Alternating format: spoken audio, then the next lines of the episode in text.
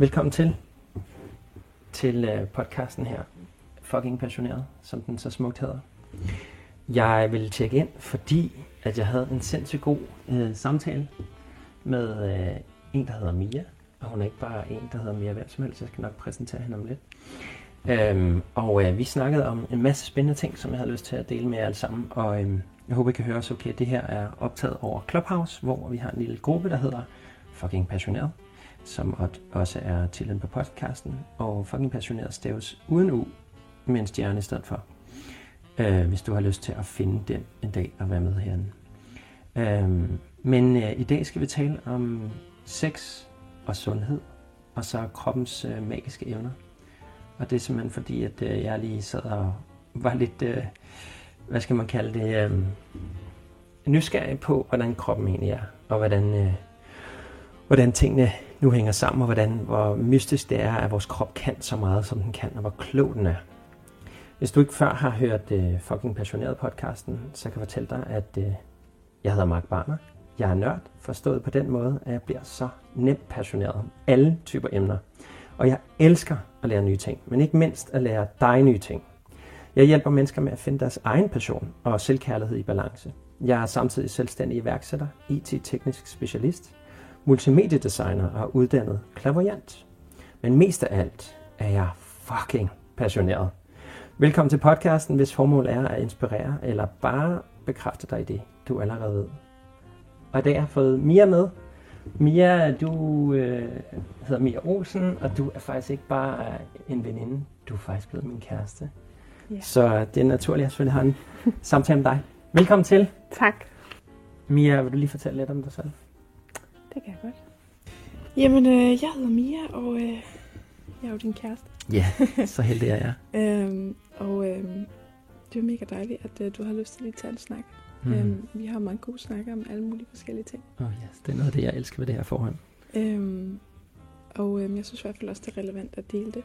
Øhm, det er i hvert fald også noget, der interesserer mig. Alt omkring kroppen og øhm, hvordan den fungerer og de ting, man ved om den, men måske også de ting, man ikke ved og alt det, som er et mysterie. Hvad er din baggrund? Hvad laver du til daglig? Til folk, der ikke kender dig? Til daglig arbejder jeg med unge mennesker, øhm, udsatte unge, anbragte børn, øhm, og så er jeg jo mor. Mm. Alle børn er heldige, kan jeg helst sige. Man er en god mor og en god passer til de unge, eller man skal kalde dig. Ja, og jeg tror bare, at nu har jeg været mor i rigtig mange år, og det gør jo, at øhm, det selvfølgelig er noget, der interesserer mig og optager mig, og noget, som jeg bruger meget energi på. Mm-hmm. Og øh, nu ved jeg jo en masse ting om Mia i forvejen. Det gør jeg, der lytter med selvfølgelig ikke. Øhm, hvor mange børn sagde du, du havde? Jeg har tre. Er det, er det det eneste, du har sat i verden? du ved, hvor jeg vil hen. ja, øh, nej, jeg har også, øh, for uden mine egne tre børn, så har jeg også øh, doneret æg to gange, og så har jeg også været rumor for min bedste ven. Er det, er de ikke doneret, er det til en familie? Eller? Det er til to forskellige familier, mm. som har fået et barn hver. Fedt. Så jeg har været medvirkende til seks børns eksistens. Wow, det synes jeg, det var en af de mest fascinerende ting, jeg har lært ved dig, da det var, jeg skulle øh, møde dig første gang øh, omkring i december en gang mm. efter jul, hvor vi var ude og gå en tur sammen. Så det går stærkt. Vi sidder her i, øh, nu er der ikke dato på min podcast, men vi sidder her i marts måned. Mm. Så øh, vi har alligevel haft lidt tid til at lære hinanden at kende. Men, øh, men det, der synes, der var mega spændende, ikke nok at du har totalt meget erfaring omkring øh, og bare børn generelt, mm. har du rigtig meget erfaring. Og fik du sagt din alder? Det tror jeg ikke, du gjorde. Nej, jeg er 33. Det er fandme godt noget, jeg synes ikke det. jeg synes, det er sindssygt godt noget. tak. Øhm, men, øhm, men så din, din ældste er? Min ældste, han er 16. Han går stærkt mod de 17 år om en måned. Mm. Ja, så jeg har været mor i mere end halvdelen af mit liv. Det må man sige. Så du fik ham, da du var 16 år? Ja. Det kan vi, uh, det kan vi sikkert tage en lang snak om. ja, det skulle jeg Fordi jeg kender Skal meget historien. Der? Den kort, kort ja. version er, at uh, du sagde det til din mor, at du var blevet gravid med din kæreste engang, og så må du rette mig, hvis det ikke er rigtigt. Og så uh, noget med, at uh, hun stolede fuldstændig på dig, for du altid har haft uh, tække med børn, og været helt naturlig omkring det. Mm. Så um, efter en snak med lægen, som prøvede at tale dig fra det, så sagde din mor bare, at du skal bare gøre det, der er helt rigtigt. Du skal mm. ikke lytte til den der læge. Hvis du vil have det, så gør du det. Og så er der noget med, at, øh, at du valgte at få det, og din kæreste ligesom måtte acceptere dengang, og også var med på det, og hans mm. måske forældre ikke synes, det var den fedeste idé, men, øh, men de endte Mm. med at støtte det alligevel. Ja. Og, øh, og så endte du så med at få de her to andre børn med en anden, da du gik fra ham den første. Mm. Og hvad, Det er det er jo så 16 år siden, du var sammen den første. Øh, Ja. Og så i hvor lang tid? Vi var sammen i tre år. I tre år. Og så ham du lige er gået fra Ham har jeg været sammen i 11 år. i 11 år. Ja, så du er alligevel, og så med ham har du så to børn, en på 4 og en på 7, ja. Rigtigt. Men øh, vi snakkede faktisk noget om noget så spændende som sex. Det er jo noget, man nemt kan komme til at snakke om, især når man er blevet par. Men øh, hvis man kender mig en lille smule, så vil man vide, det er noget, jeg snakker rigtig meget om. Det gør jeg nok også. fordi, at det er, fordi det er vigtigt, og fordi det er en del af det at være menneske på jorden, og det er en af de steder, jeg synes, man kan connecte spirituelt set. Og også, man behøver slet ikke sex for at connecte, øh, men det er et sted, hvor jeg tror, at mange mennesker, der i hvert fald har, jeg vil sige, ikke bare knaldet for at knalde, altså ikke bare for at komme, men hvor man ligesom når at connecte på et vist niveau. Øhm, og der synes jeg ligesom, at, øh, at det, er en, det kan noget magisk. Og så snakker vi noget om øh, klitoris, altså at øh, det er ikke ret mange år siden, det er jo ikke sådan noget øh, 500 år siden, man fandt ud af, at kvinder kunne onanere og have en klitoris og sådan noget. Jeg tror, vi er tilbage i 30'erne eller sådan noget, så vidt jeg husker, 20'erne, hvor der, der blandt andet lavet en tv-serie, der hedder Masters of Sex, eller sådan noget lignende, hvor man kan øh, se lidt af den historie, hvordan den udfolder sig. Der er en, en mand, der endte med at forske i sex, og så øh, skrev han faktisk en bog om sine forsøg, han har lavet. Han fik noget funding, og fandt ud af, at kvinder faktisk kan nyde sex. Det fortæller lidt om, hvor, hvor sindssygt det er. Mænd har altid kunnet nyde sex. Det har vi vidst. Ja, jeg skulle til at sige, den viden har nok eksisteret. Der har måske bare ikke været ja. forsket så meget i det. Der har nok ikke været, Nej. været så meget fokus på det. Og så i moderne tider, som det alligevel trods alt var i 1930'erne, eller hvornår det nu var. Ja, det kan jeg slå op om lidt. Men øhm, der var det jo sådan, at man ikke mente, at altså, kvinder var, altså det var ikke, I skulle ikke have nogen nydelse ud af sex. Nej, at det er jo I kvinden er til for, for mandens Ja. velbefindende. Og hvis det var sådan, og naturen var sådan, så vil jeg så sige, at naturen godt nok fucked up. Hvem, mm. Mm. hvem, vil have, hvem vil gøre noget som helst, hvis der ikke var noget i det for dem? Mm. øhm, i det hele taget. Men øh, vi snakkede om, ja, om øh, orgasmer og klitoris, og jeg blev fascineret af sådan en åndssvær lille filosofisk ting, og den er måske ikke så åndssvær, men jeg blev lov lige at tænke sådan, det er egentlig sjovt, at en øh, klitoris er jo faktisk en lille pik. Mm.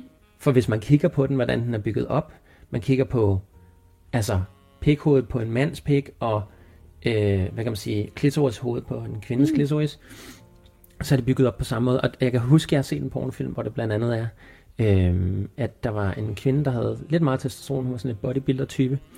Og øh, jeg var fascineret af, at det så ud som om, at det var en kvinde, der havde en meget, meget lille pi- pik. Mm. Og, øhm, og det viste sig så også at være det.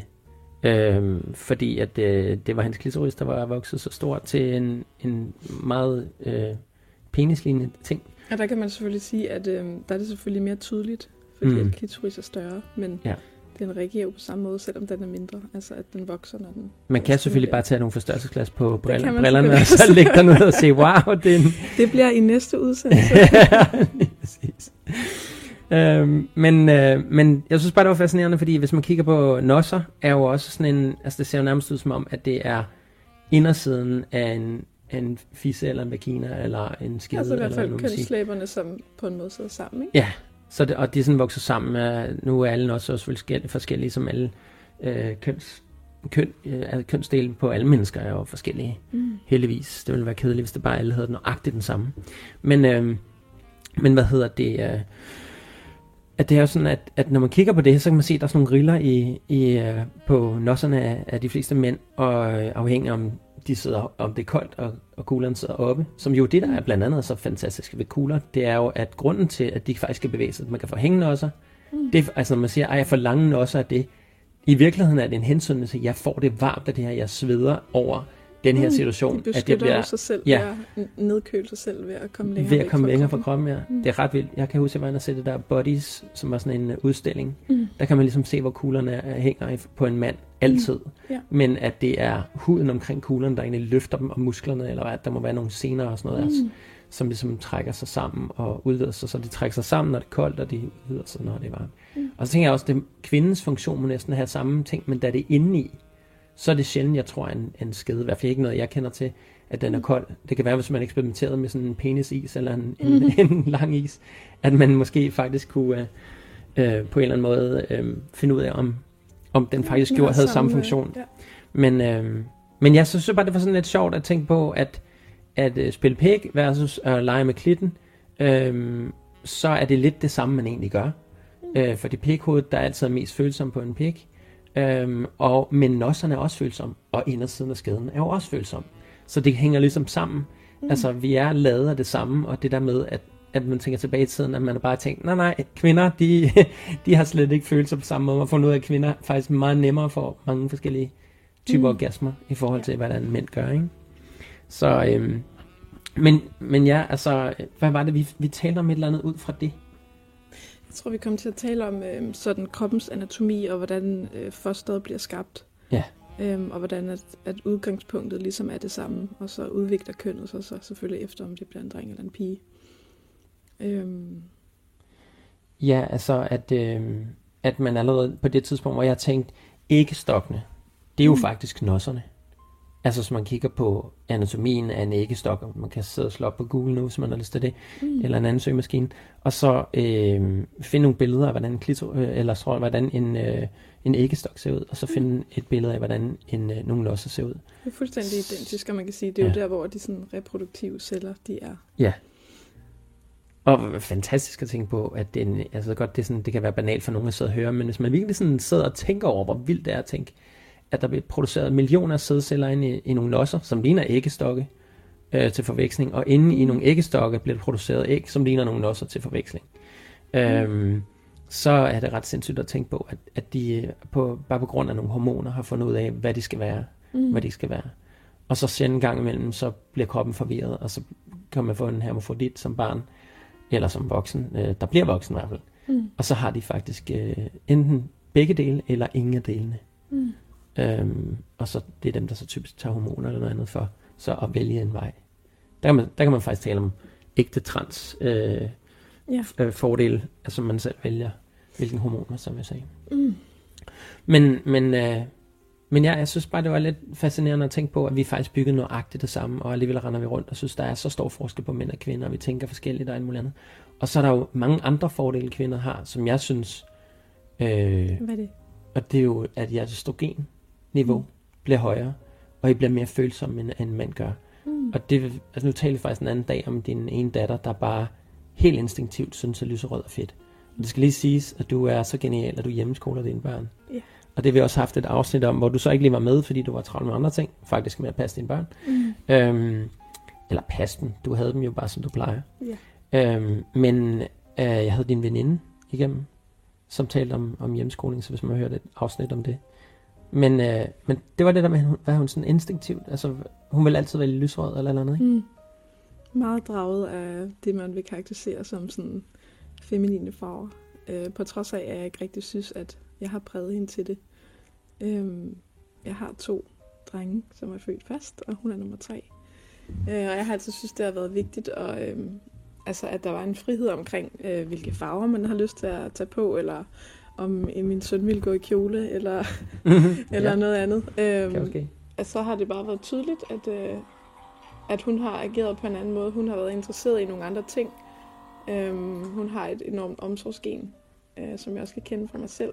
Og som, Jeg tænker faktisk, at måske skulle holde den der tættere på dig.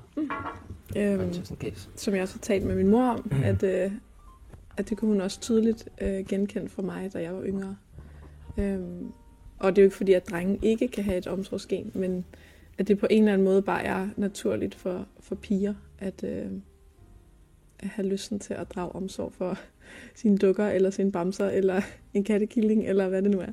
Mm. Øhm, og det er jo interessant, at, at man allerede fra så lille som et barn, der er et år, eller to år, eller tre år, som ikke er præget af øh, samfundets forventninger, eller normer, eller øh, idéer om, hvilken rolle man skal have i familien, at, at hun så allerede ved det instinktivt.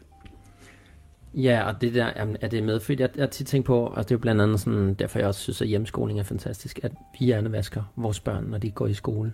Mm. Og det gør vi også, når vi opdrager dem. Og det gør vi faktisk hele tiden, Mm. når vi fortæller dem, hvad der er rigtigt og hvad der er forkert. Ja. Øhm, for de fleste børn er super instinktive. Vi talte før om, om børn, der... Det var også mega interessant.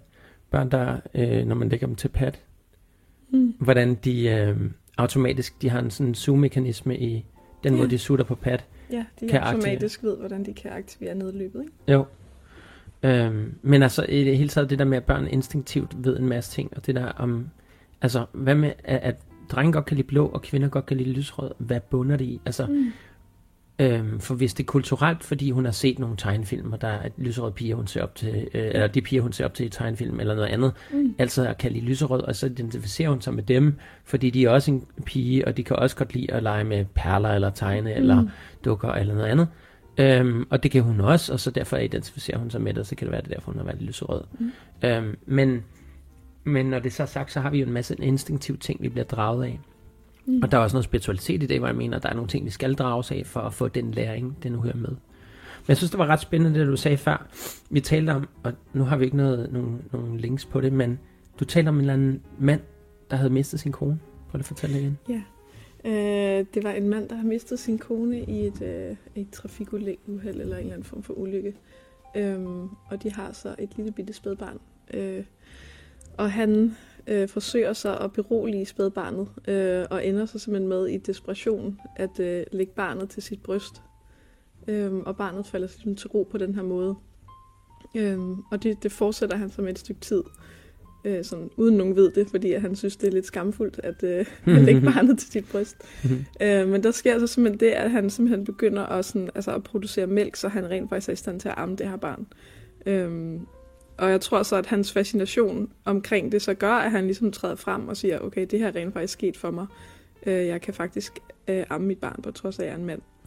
Det er vildt. Og Øhm. kan vide, om der de samme prote- proteiner og ting bliver produceret i mælken i samme grad, som hvis det var Mm. en kvinde, der har gjort Ja, det. det er jo interessant det der med, at, at man har en idé om, at det er nogle hormoner, eller det er en proces, der sker i forbindelse med fødslen, som gør, at man er i stand til at producere mælk. Men i virkeligheden er der måske også noget i hjernen, der er medvirkende til det på en eller anden måde. På samme måde som folk, som adopterer børn, at de også faktisk kan formå at amme det, fordi de danner en, en emotionel Det synes jeg også er vildt, at man at nogen kan tage hele vejen til Afrika eller noget andet for at finde et barn, som de så kan mm. Adoptere, og så pludselig så producerer øh, kvinden mælk. Altså, mm, det er, jo, det er jo nærmest magisk, at det kan lade sig gøre.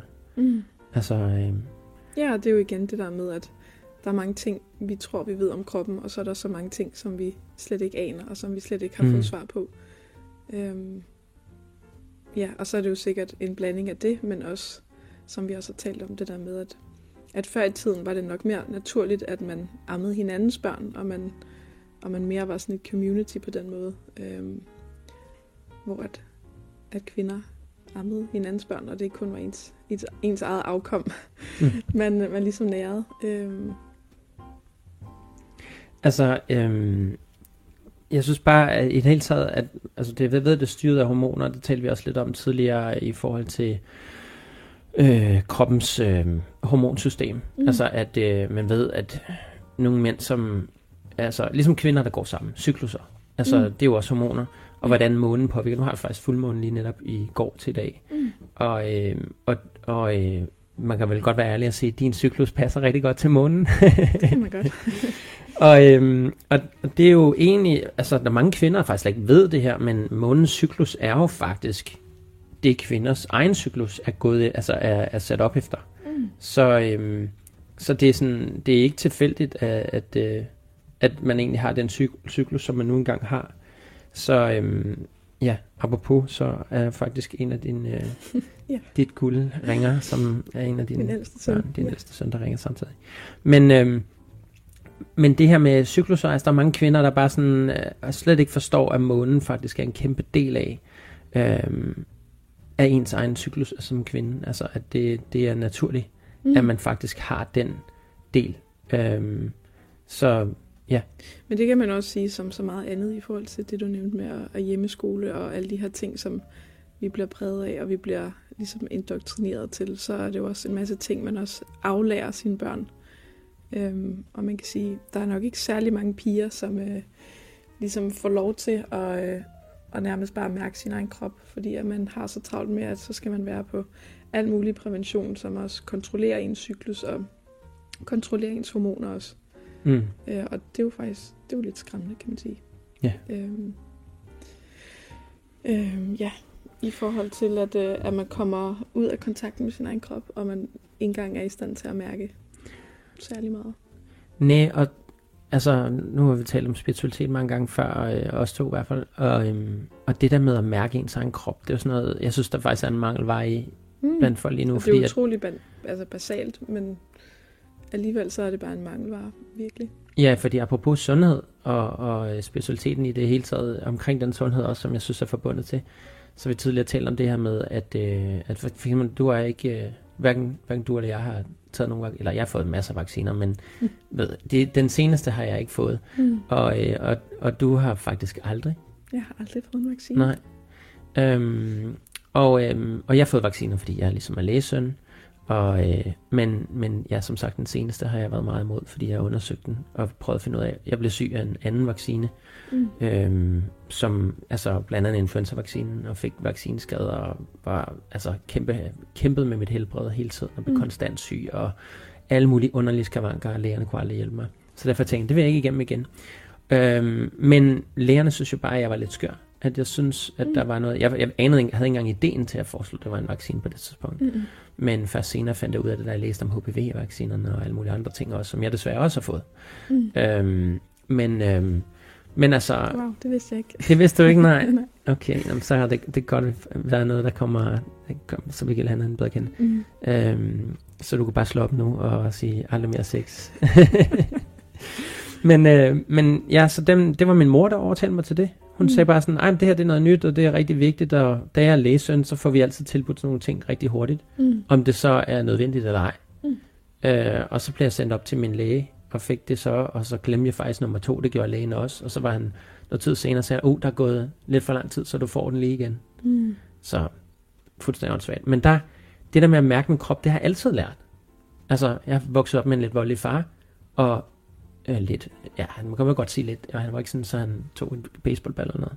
Men, øh, men så det var inden fuld af lusinger, for ligesom at folk ikke sidder derude og bekymrer sig. Mm. Mere end nødvendigt i hvert fald. Øhm, og, og det har i hvert fald gjort, at jeg har lært ikke at skulle lytte til min krop rigtig meget i mit liv. Mm.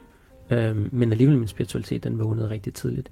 Men jeg synes, der er en tendens til, at vi mennesker, og jeg tror, at pandemien har været med til at hjælpe lidt på det, i den rigtige retning indtil, at jeg synes i hvert fald, at vaccinerne, som jeg kalder injektionerne eller sprøjterne, Mm. øhm, kom. Og, øh, og, og det, det der med, at når folk så er blevet syge af corona, at de skynder sig at tage medicin, Mm. i stedet for at mærke den naturligt. Det er du sindssygt god til. Øhm, jeg, jeg tillader mig lige at mute mm. din øh, søn, når han ringer. Øh, jeg tænker, det handler om et eller andet. Jeg Det tror, kan han så skrive til ham. han mangler en mobile page, tror jeg. Han mangler en mobile pay, sådan er det med mor. Øhm, men, øhm, men ja, altså det, som jeg synes, der var fascinerende ved det, det var, at, øh, at vores sundhed, altså det er mange gange sådan, at, at når man får feber og sådan nogle ting, det er jo kroppens naturlige svar på, at man er ude af balance. Øh, og der er noget, kroppen er i gang med at foretage sig, og skrue op for temperaturen for netop at slå bakterier ihjel, som hvis du satte en kedel til at koge. Mm.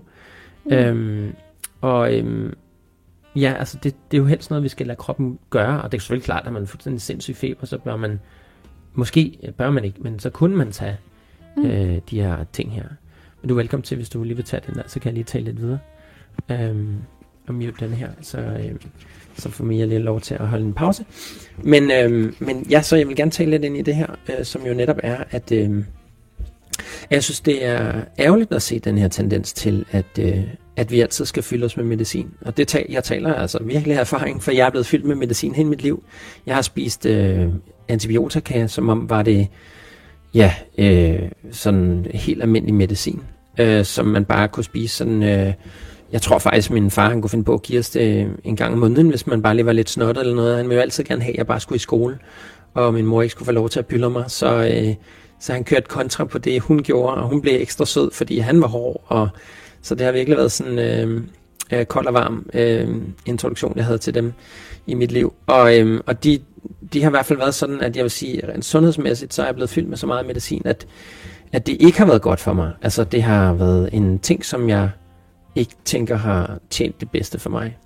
Øhm, og det har altså også gjort, at jeg har fået mange bivirkninger senere. Øhm, og jeg synes, det er ærgerligt, den her tendens, der er til, at vi altid skal proppe os med medicin for at kunne, for at kunne komme igennem ting. Vi er nærmest bange for sygdom, og sygdom er noget af det mest naturlige ting her med menneske. Øh, noget af det, som jeg synes, der er ærgerligt, at vi glemmer, at, at blandt andet apropos vaccinerne, de har eksisteret i lidt over 100 år, så vidt jeg husker. Øh, poliovaccinen var vist nok den første, eller sådan noget lignende. Øhm, men vi skal stadig huske, i hvad er det, 200, 200.000 år har mennesket eksisteret. Mm. Og det har vi altså gjort uden medicinske præparater. Men vi har brugt naturen, vi har brugt fødevarer, vi har brugt mm. solskin, saltvand. Øhm, alt, det, alt ja, det gode. Ja. alt det gode fra naturen. Og, og, og det der med, at vi tror, at nu er lægerne kommet til verden. De skal bare huske, at vi lever i en tid, hvor læger er en ny ting. Mm. Vi havde medicin, men vi havde alt muligt andet. Jeg siger ikke, fordi vi skal gå helt tilbage til primitivt. Der er absolut masser af god medicin. Nu nævnte jeg penicillin før. Fantastisk præparat, der redder altså milliarder af menneskeliv. Mm. Øhm, fordi det er en fantastisk ting. Men vi skal huske, hvad det kommer sig af. Jeg kan huske, at jeg lavede en stor opgave det her, om det her engang. Øh, jeg skal lige sige, at jeg er ikke alt, hvad vi taler om her. Jeg er ikke uddannet læge. Jeg er bare lægesøn og øh, uddannet multimediedesigner og øh, IT-konsulent. Øhm, og så er jeg uddannet klaviant også, øh, som jeg nævnte i starten. Og, og det, øh, de her, der er ikke nogen, der, der er råd, det er bare ren inspiration, når folk hører det her, selvfølgelig. Og man er meget velkommen til at have sin egen mening. Øhm, men jeg kan bare huske, at øh, i hele det her perspektiv omkring medicin, altså penicillin kommer jo fra en svamp. Det kommer fra muk mm. på et forsøg, der gik i stykker, øh, eller man kan sige et forsøg, der blev droppet. Nu kan jeg mm. desværre ikke huske, hvad opfinderen hedder. Jeg kunne sidde og tage den anden telefon op og google alting, hvad jeg siger, men det kan man jo også selv gøre. Og øh, han lavede et forsøg på, at, at han skulle finde et eller andet helt andet. Der havde intet med penicillinforsøget at gøre. Mm. Så stillede han sin øh, petriskåle i et, en vindueskarm, hvor man, hvis man kan forestille sig hus dengang, og også mange hus nu, eller kældere, som har skimmelsvamp, så blev det inficeret med skimmelsvamp. Men han blev fascineret efter noget tid og finde ud af, at i midten af den her skimmelsvamp, der var der ikke nogen bakterier, når han kiggede på dem mm. og undersøgte dem. Og det blev han så fascineret af, at jeg begyndte at dykke ned i og fandt ud af, at der er altså opstået et eller andet produkt i midten af den her skimmelsvamp, som man kender fra ost og alt muligt andet, som faktisk havde kilende egenskaber med mm. at fjerne bakterier. Og så forsøg med at så spise det, og hvad vil det så gøre? Og det er også derfor, man skal huske, at penicillin slår altså også alle de gode bakterier ihjel. Ja. Og især tarmen, som det kan gå rigtig meget ud af. Og til jer, der ikke lige lagde mærke til, så er Mia tilbage. Ja, jeg er tilbage. der skulle lige være, din søn skulle lige... Uh, han skulle lige have noget mobile pay, eller hvad det? Penge, ja. Der er fest i aften. Så. Okay, fedt. Sådan. Det er jo fredag. det er jo det. Men, øh, men det handler jo bare i princippet om, at, øh, at man ikke har tillid. Altså, man, øh, man, er blevet, man er blevet tillært ikke at have tillid til kroppen og mm. det, den kan. Øhm, og at sygdom som udgangspunkt er en fjende. Øhm, og når det bliver en lille smule ubehageligt, så skal vi ligesom prøve at, at afværge det, og vi skal prøve at få det til at gå væk. Mm. Øhm, I stedet for at se det som, at jamen, når kroppen bliver forkølet, eller når kroppen får feber, så gør den jo, fordi den vil hjælpe os. Ja. Øhm. Alting er en reaktion i kroppen. Mm. Altså, eksem på huden er en reaktion på, at der er noget i din krop, der er ubalance, eller den reagerer på noget. Vi ved, hvis vi slår os, så får vi et blåt mærke. Så man siger, hvad, hvad skal vi bruge det til?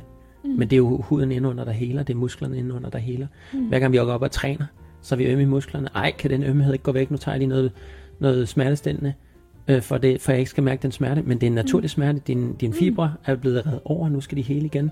Og det fantastiske ved det er jo, du får større muskler. Du får mm. bedre udholdenhed. Du, øh, altså, du udvikler dig som menneske hele tiden. Dine celler fornyes det er jo magisk at tænke på, at, kroppen også kan det. Apropos hvad vi talte om tidligere med klitorisen og øh, penisen. Nu kan jeg se, at, at øh, Nela er med til, som lytter. Det er dejligt, og det bliver også udgivet som podcast bagefter, så hvis I andre har lyst til at været med i, øh, i sådan en her rum her, jeg resetter lige ved at fortælle, at i dag taler vi om sex og sundhed og kroppens magiske evner. Øh, og der har vi talt lidt om, om hvordan sex øh, øh, altså af klitorisens funktioner, øh, og at det her med, at det var ikke øh, kendt, øh, altså for bare øh, ja, 100 år siden, der var det ikke kendt, at kvinder kunne få orgasmer, og det var en naturlig ting. Det var faktisk skamfuldt og noget, man ikke talte om. Og den bog, der faktisk blev udgivet, det fik jeg ikke sagt før, den blev faktisk øh, bandlyst og gjort, mm. sådan man ikke kunne købe den.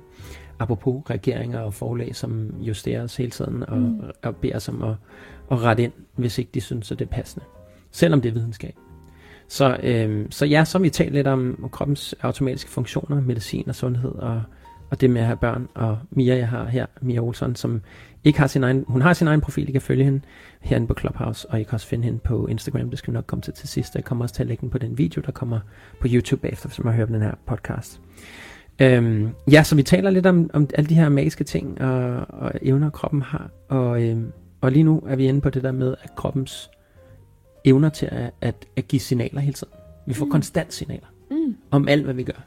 Og man kan sige, det kan jo være rigtig fint at, øh, at benytte sig af medicin eller prævention, eller hvad det nu kan være.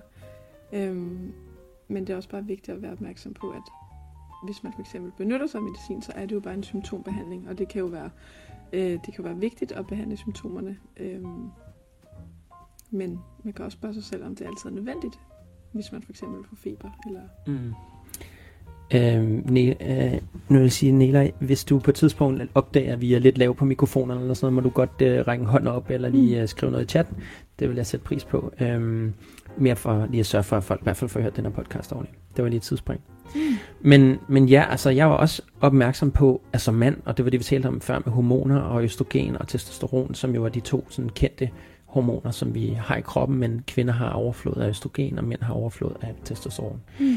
For meget testosteron gør skaldet, øhm, har man fundet ud af i noget forskning. Mm. For meget østrogen kan gøre, at man får følsom og altså får ekstra følsomhed i kroppen og øh, hormonubalance, og Mm. huden kan reagere voldsomt.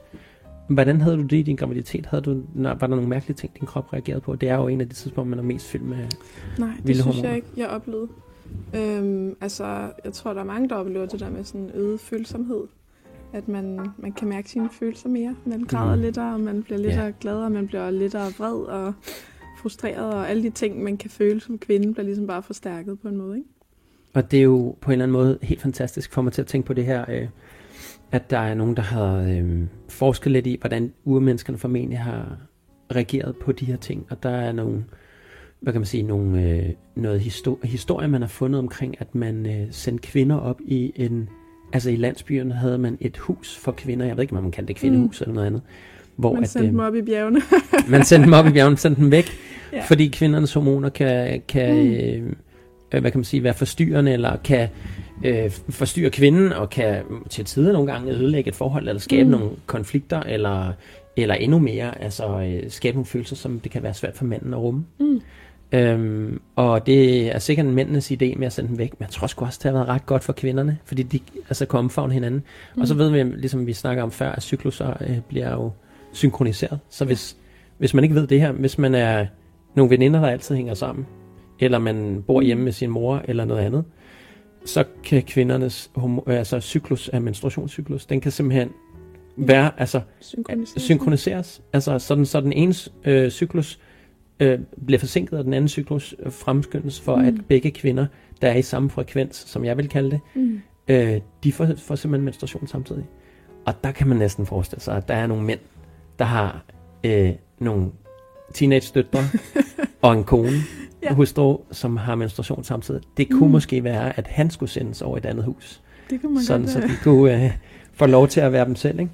Jo, men altså man kan sige, i forhold til når man er gravid, så tænker jeg egentlig, at, at det giver ret god mening, at man, altså at alle ens advarsels øh, alarmer, de ligesom er mere up to date, fordi at man skal være mere på vagt, Mm. fordi at man jo er gravid. Ja, og, men kan man, vil du sige, at man kan stole på sine signaler lige så meget, som når, når man er gravid, som hvis man har menstruation? Altså, øh, graviditeten, går få den hormoner til at gå amok, så man, så man føler, man ikke kan stole på dem, eller, eller føler du faktisk, at kroppens signaler altid er korrekte? Ja, det føler jeg, men jeg, det er måske ikke altid, at vi er i stand til at afkode de signaler, vores krop sender. Mm. Øhm, Hvordan er du blevet klog på det? Erfaring? Hmm. Jeg tror måske bare, at det er en, altså en mavefornemmelse, og når man så oplever, at ens krop øh, ligesom fortæller en noget, eller Mm. at nu, øh, nu bliver jeg mere ked af det over det her, end jeg plejer, så er det jo også bare en invitation til at finde ud af, jamen, hvorfor sover det her mig? Eller... Og det er måske også øh, vigtigt, når man er gravid, at man øh, får, får helet nogle ting, fordi alle, alle de Mm. følelser, alle de øh, øh, hormoner og endorfiner, der farer rundt i en, de kommer også ind til ens baby. Ja, det må man sige. Det, Skal vide, hvordan det er er, hvad det er. ja. Men det kunne, altså nu var jeg lidt filosofisk før omkring hom- hormoner og babys øh, produktioner og sådan nogle ting. Øhm, og uden at vide det med sikkerhed, men selvfølgelig øh, er der en tete om, at det selvfølgelig øh, påvirker altid. Alting påvirker alting. Der er altid en reaktion. Mm. Men hvis en, man ved for eksempel, hvis en gravid kvinde er, det kan jeg huske med min, øh, en, en ekskæreste, jeg havde, der lider af panikangst. Mm. Og hendes mor havde ekstrem stress, mm. da hun var gravid med hende. Mm. Og der ved man at fra forskellige forsøg, at, at øh, og det kan være, der har været forsøg siden, det har jeg ikke været opdateret på de, de sidste 10 år, men øh, altså, at faktisk er hendes amygdala i hjernen, altså hendes forsvarssystem, der er sådan, oh, der er far på færre, mm. den er meget større. Er klart, den er overaktiveret. Den er overaktiveret. Så selvom at hun, efter hun blev født, og hun måske fik noget ro i livet, mm. så er hendes amygdala stadig forstørret. Mm. Det vil sige, hun lider simpelthen af panikangst på grund af, af morens øh, hormonsystem. Mm, hun har sikkert været udsat for ja. mere kortisol og alt muligt. Lige ja. præcis. Så vores krop reagerer hele tiden, og jeg er sikker på, at der er sikkert, uden vi ved det, er der sikkert noget, man kan gøre. Måske ikke for at... Øh, jeg ved ikke, jo, altså som alting i kroppen, det er jo celledannelse og cellenedbrydelse, så der er sikkert noget, der gør, at øh, man kunne tænke sig, eller føle sig, eller praktisere ting, som får myg, amygdalaen til at blive mindre. Mm. Men praktiserer man stress og alt sådan nogle ting, og bliver nemt stresset, og, og lider måske af meget panikangst, og man ikke håndterer det, så træner man jo den muskel, eller man mm. kan sige, hjernen er plasma, og ikke muskler, men men det vil sige, at hjernen kan hele tiden ændre sig, fordi plasma er jo fantastisk. Det mm. kan hele tiden lave nye connections og nye ja, forbindelser i hjernen. Ja, sig. Så, øhm, så, så det vil sige, at øh, man kunne måske forestille sig, uden at jeg har læst noget forskning på det, at man kunne måske tænke sig, og jeg ved, jeg arbejder meget med mennesker og psyken, og mm. i den klaviante del, og har altid gjort det med mig selv i selvudviklingen. Øhm, og jeg ved, hvordan jeg kan påvirke min hjerne. Jeg kalder det faktisk at mindfucke mig selv. Mm. Fordi jeg kan fuck ting op, og jeg kan fuck dem op på den rigtige måde. Altså jeg snyder min hjerne til ting. Mm. Og så kan jeg danne vaner, og danne stoffer i min krop, som, som giver en, en, en god eller en dårlig ting. Jeg ved, hvis jeg er meget stresset, så kan jeg mærke, at mit system begynder at blive mere syreholdigt. Det har jeg så også læst noget forskning på efterfølgende. Mm. Så jeg er mere lagt til at få sygdomme, hvis jeg overtænker tingene, hvis jeg stresser om noget, hvis jeg bekymrer mig. Og nu har vi lige været igennem en pandemi, og er det mm. formentlig stadigvæk, øh, hvor at det er det, folk har beskæftiget sig mest med, det er frygt og, mm. og stress. Så, så ved man, at man skaber faktisk mere grobund for sygdom. Fordi at sygdom vokser bedst i et syre, øh, syreforhold. Hvor at hvis du er et basisk forhold, som at spise mange grøntsager, være veludvilet, for nok søvn, øh, og, øh, og få balanceret sin serotonin, som er søvnbalancen, mm. øh, så kan det kan faktisk være med til at, at skabe et enormt godt immunforsvar, som, hvor at med basisk føde og alt muligt andet, kan man faktisk eliminere cancer og sygdomme øh, generelt, mm. og nedsætte risici for at blive mere syg. Ergo, du kunne faktisk spise sundt, motionere, tænde, og virkelig også tænke sunde tanker, mm. og så få et godt immunsystem, så om du så fik corona eller en anden sygdom, så ja. vil du kunne være fuldstændig modstandsdygtig for det. Og man, man kan næsten også se det hos unge mennesker og børn, mm. som jo er en rivende udvikling hele tiden, med mm. en voldsom fantastisk cellefornyelse hele tiden, som hvis de slår sig, så heler de meget mm. hurtigere, end vi vil gøre. Mm. Øhm, så, så på den måde kan man også kigge på dem og så se, dem der er meget optimistiske, er oftere raske, eller bliver sjældnere syge. Har det bedre. Mm. Har det bedre. Mm. Øh, Men i forhold til sådan på, øh, i sådan fosterstadie, så tænker jeg, at det måske egentlig giver meget god mening, at man som mor, når man er gravid, at man oplever alting meget kraftigere. Det kan jo godt være, at det på en eller anden måde mm. aktiverer nogle centre i fosterets hjerne. Ja. Ja, det giver mening. Så man smitter af på fosteret, som, alt, som jeg sagde før, mm. alt har en påvirkning på alting. Mm. Øhm, så man uddanner faktisk fosteret i de forskellige følelser. Så det er måske meget mm. okay, at man agerer ordentligt i de her følelser. Lægens råd er typisk, gå hjem, hvil dig, vær i balance, mm. øh, tænk ikke for meget over alting, gør ikke for mange ting. Men der er mange gravide og, og mødre, som helt intuitivt har det modsat. De føler, at de skal være i gang, de føler, at de skal bevæge sig, de føler også, at de måske skal slappe mm. af. Men de har ikke brug for nødvendigvis at stresse. Men så er der også den her tendens og trend til, at kvinder også er karrieremennesker, og, øh, og derfor skal de også, selvom de er gravide, bare ud og give den fuld gas, og bevise noget. over for alle de mandlige chefer, at de ja. i hvert fald ikke påvirker at være gravide. Og man skal også se godt ud, og man må ikke tage for meget på, og man skal også spise det rigtigt, og ja, det gør man må ikke farve håret, og man ja. der er rigtig, rigtig mange forventninger, så det kan i hvert fald være svært at slappe af. Ja, så er der Mm. hele det her øh, spælt, øh, spælt univers Ja. med, at Ja. øh, nu må du slet ikke gøre noget som helst, øhm, Mm. og at du skal også bage en kage, og du skal være til dine børns, øh, de andre børns fødselsdag, og du skal Mm. øh, være den perfekte mor over i skolen, og du skal være træde op til alle lærermøder, og du skal være engageret i alting. Mm. Og så er der det der, altså det er jo bare performance også, altså stress, Mm. bare på et niveau, der hedder derhjemme, at, at der er en kæmpe høj forventning til, at du mm. kan det hele. Og der vil jeg bare lige benytte muligheden til at sige, der er en kæmpe invitation til dig, der sidder derude og lytter med, og som du måske har været igennem det her, er i det, eller har en veninde eller ven eller noget andet, der er i det. Der er ingen grund til at leve op til samfundet og alle de andres forventninger til dig, og dine egne forventninger til dig. Giv dig selv en mulighed for at slappe af. Giv dig selv en mulighed Mm. for at blive doven. Du kommer ikke til at være en social taber af at nyde livet og være gravid, eller, eller hele taget at stoppe med at stress. Og tingene brænder ikke på, Mm. hvis du bare giver slip. Og hvis de brænder på, hey, så kommer der en anden pandekage en anden dag. Mm. Altså, og det er noget, jeg virkelig er, er grund til at sige det her, det er jo fordi, jeg arbejder som klaviant, og så når nogle gange kommer de her ting igennem, så kan jeg bare mærke, at der er nogen, der har brug for at høre, at de ikke behøver at stresse afsted for at nå alting, for jeg har selv været der. Og er der nogle gange stadigvæk, jeg arbejder stadigvæk på øh, at finde den gyldne balance. Men det er meningen, at vi nogle, nogle gange skal synes, det er svært, og nogle gange skal synes, det er lidt for nemt det hele. Det er ligesom circle of life. Altså, Mm. men det er vigtigt, at vi selv tager os de her pauser. Men altså, ja, for at komme tilbage til det, at vi bliver jo påvirket. Var du overhovedet stresset i nogle af dine graviditeter? Dine alle fire? Det, det har jeg faktisk ikke følt. Nej. Men øh, jeg tror også, at øh, det kommer meget naturligt til mig at være doven. ja, jeg synes altid, at jeg har haft en god evne til at, øh, at lytte til, hvad min krop har behov for. Jamen, du er også smelter fed og stor tyk, jo. Det passer i øvrigt ikke. Øhm, det tror jeg, og jeg tror altid, at jeg har, øhm, ja, jeg har haft øh, nogle omgivelser og nogle personer omkring mig, som har støttet mig i at lytte til min egen mavefornemmelse. Mm. Øhm, Hvem har påvirket, hvem har inspireret til det? altså primært min mor. Ja, hvordan det? Jamen, øh, hun har bare altid, øh, jeg har altid følt, hun har haft en tiltro til, at jeg vidste, hvad der var det bedste. Øhm, altså for eksempel, da jeg blev gravid, da jeg var 15 år.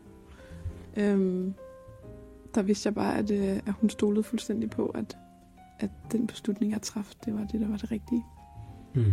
Øhm, og det er jo selvfølgelig afledt, at når man får den tillid, jamen, så kan man jo også mærke sig selv endnu mere, fordi man får mulighed for det. Mm.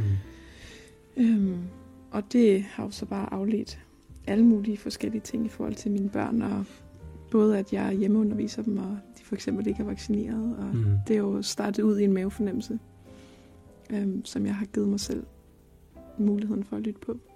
En af de ting, jeg rigtig godt kan lide ved dig også. en af de mange. Altså, øhm, jeg kommer til at tænke på, med dine fødsler. Jeg ved Mm. ikke, om jeg har hørt så meget om dem. Jeg kan ikke huske det. Nej. Øhm, fødte du i vand? Øh, fødte du naturligt? Jo, jeg kan huske en af fødslerne, du taler om. At det nærmest bare sagde plup, og så kom der en baby ud. Ah, ja, jeg har født øhm, meget hurtigt, alle fire gange. Mm. Øhm, og jeg tror, da jeg var 16 år, da jeg fødte første gang, der tror jeg egentlig også bare, at jeg, øh, at jeg, jeg prøvede bare at gå med flowet. Og jeg tror, at jeg vidste jo ikke noget om fødsler, for jeg var ikke særlig gammel. 16 år. Jeg havde ikke nogen erfaring end andet, det jeg havde set i fjernsynet. Øhm, At man skal skrige rigtig meget og råbe af. ja, og det gør rigtig ondt, og det, det er noget, man på en eller anden måde skal kæmpe imod. Øhm, Er det så sandt? det, det føles i hvert fald ikke sandt for mig. Nej. Øh, Jeg tror, jeg var meget rolig, og igen øh, følte jeg også, at de jordmøder, der var der, de havde tillid til, at jeg godt kunne det. Mm. Øh, om de havde det, det ved jeg faktisk ikke. Måske var det bare, fordi jeg selv havde det, og jeg tænkte sådan, Nå, det kan jeg sikkert godt. Øhm, når jeg tænker tilbage på forløbet, kan jeg godt se efterfølgende, fordi jeg så har fået andre børn, hvor jeg har været ældre, der kan jeg godt se, at, øh, at de højst sandsynligvis har holdt lidt mere øje med os, fordi mm. vi var unge. Øhm, ikke sådan i forhold til selve fødslen, men jeg kan huske efterfølgende, øh, der opfordrer de os for eksempel til at, øh, at give babyen et bad, sådan, da han var to dage gammel eller et eller andet. Nå. Øhm, og det tænker jeg, at det har helt sikkert været for ligesom at, øh, at se, hvordan vi greb det an. Altså om vi ligesom havde fornemmelsen for at, at drage omsorgen for babyen. Ah. Fordi det er i hvert fald ikke noget, der er sket, da jeg så fødte, da jeg var andre. 26 år. Mm. øhm, men det er jo ikke noget, jeg tænkte over. Altså jeg følte, at det var på en meget kærlig måde. Mm. Okay. Øhm, Det er ja. først senere, det er gået op for dig. Ja, altså det er jo først en indsigt, jeg har fået med de efterfølgende børn, jeg har Ja. ja. fået, ikke? Øhm, men ja, det har i hvert fald gjort, at jeg har, øh, at jeg har følt, at det har jeg godt kunne, og det har jeg haft styr på, og ja, i mine fødsler efterfølgende har jeg bare vidst, at jeg godt kunne det, Mm. og det har jo så også øhm, resulteret i, at jeg måske ikke altid har lyttet til, hvad lægerne har sagt, jeg skulle gøre. Øhm, Det vil jeg da også anbefale nogle gange, men øh, man lytter til sig selv først. ja, Om ikke det- andet, så begår man nogle fejl, og så øh, kommer man igennem det alligevel. Og så lærer man af sine fejl. Mm. Jeg tror i hvert fald, at de, altså, de to første fødsler, jeg havde, tror jeg, er sådan gået ret meget efter bogen, og gået ret godt, og uden nogen komplikationer, eller nogen former for indgriben, eller hvad man kan sige. Øhm, og de to sidste graviditeter er gået meget over tid. Mm. Øhm, og det har jo gjort, at der har været nogle fagfolk, der gerne vil blande sig i Mm. øhm, at starte fødslen og provokere vejerne til at komme i gang, hvilket jeg ikke har ville. Hvad har du så gjort? Jeg har sagt pænt nej tak til Okay. igangsættelsen. Øhm, men Så øh, de spørger, siger de sådan, vil du sættes i gang? nej, det siger de jo ikke. Mm, okay. De siger, øh, vi, du skal sættes i gang, Mm. Så fordi nu, fordi nu er du ikke- gået øh, så og så mange dage over. Mhm. Øh, og hvis ikke man kender sin ret til at sige nej, Så gør man bare, hvad der bliver sagt. det er i hvert fald det, jeg oplever fra, Ja. ja. fra rigtig mange andre fødende. Og det er jo sådan det der med, apropos at lytte til kroppens signaler. Mm. Altså, du følte ikke, at du var klar til at føde der? Nej. Nej. For jeg vidste jo, at jeg havde født to gange før. Ja. Øh, jeg havde født to gange. De to første gange føder jeg cirka en uge før termin.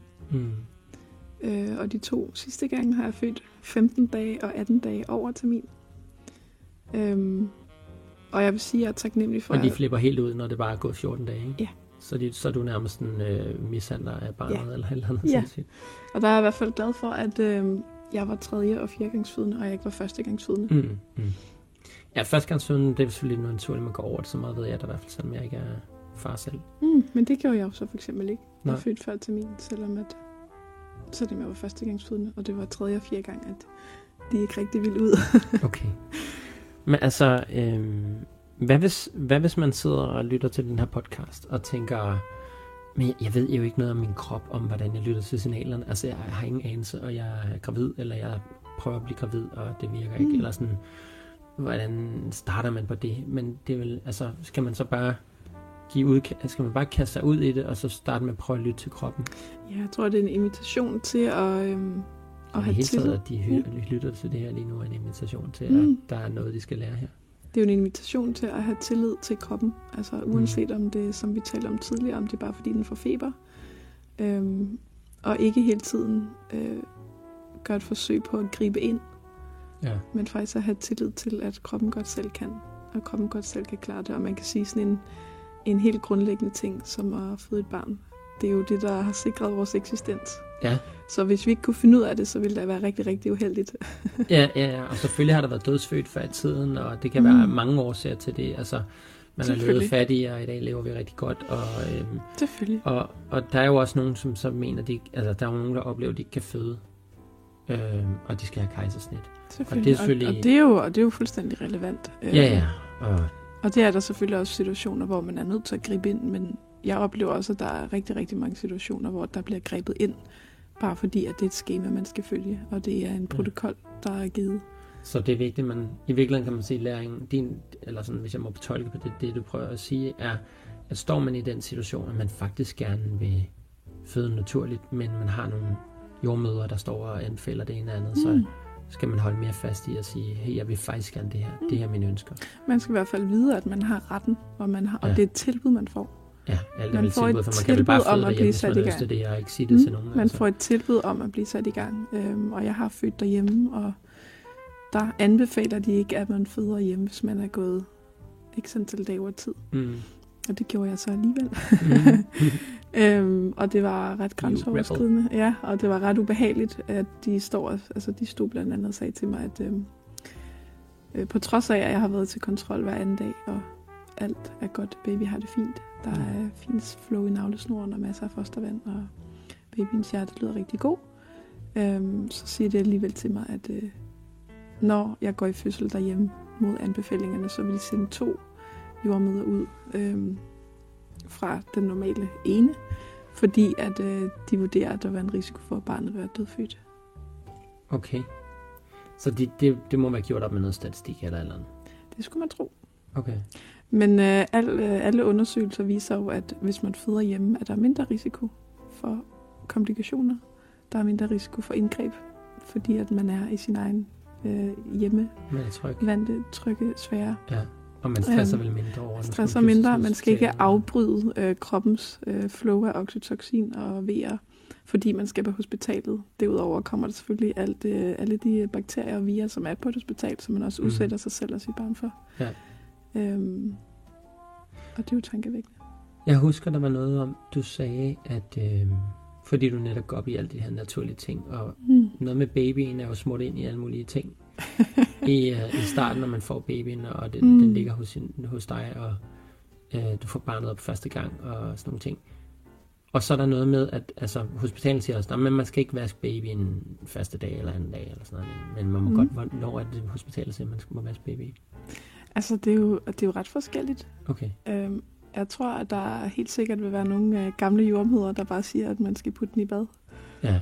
øh, hurtigt. Øh, og jeg har i hvert fald oplevet, at jo, øh, jo yngre og jo mere sådan... Øh, ja, jeg har jo lyst til at sige veluddannet, fordi det måske er nogle personer, som også har researchet andre ting, end det, de lærer på uddannelsen. Mm.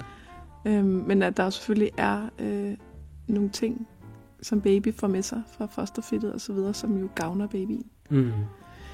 Øh, som man ikke er interesseret i at vaske væk. Og også, som vi også har talt om, at, at man da blandt andet også giver afføringsmiddel til moren, inden man føder. Det er rigtigt, det sagde du. Og det er jo heller ikke særlig smart for babyen.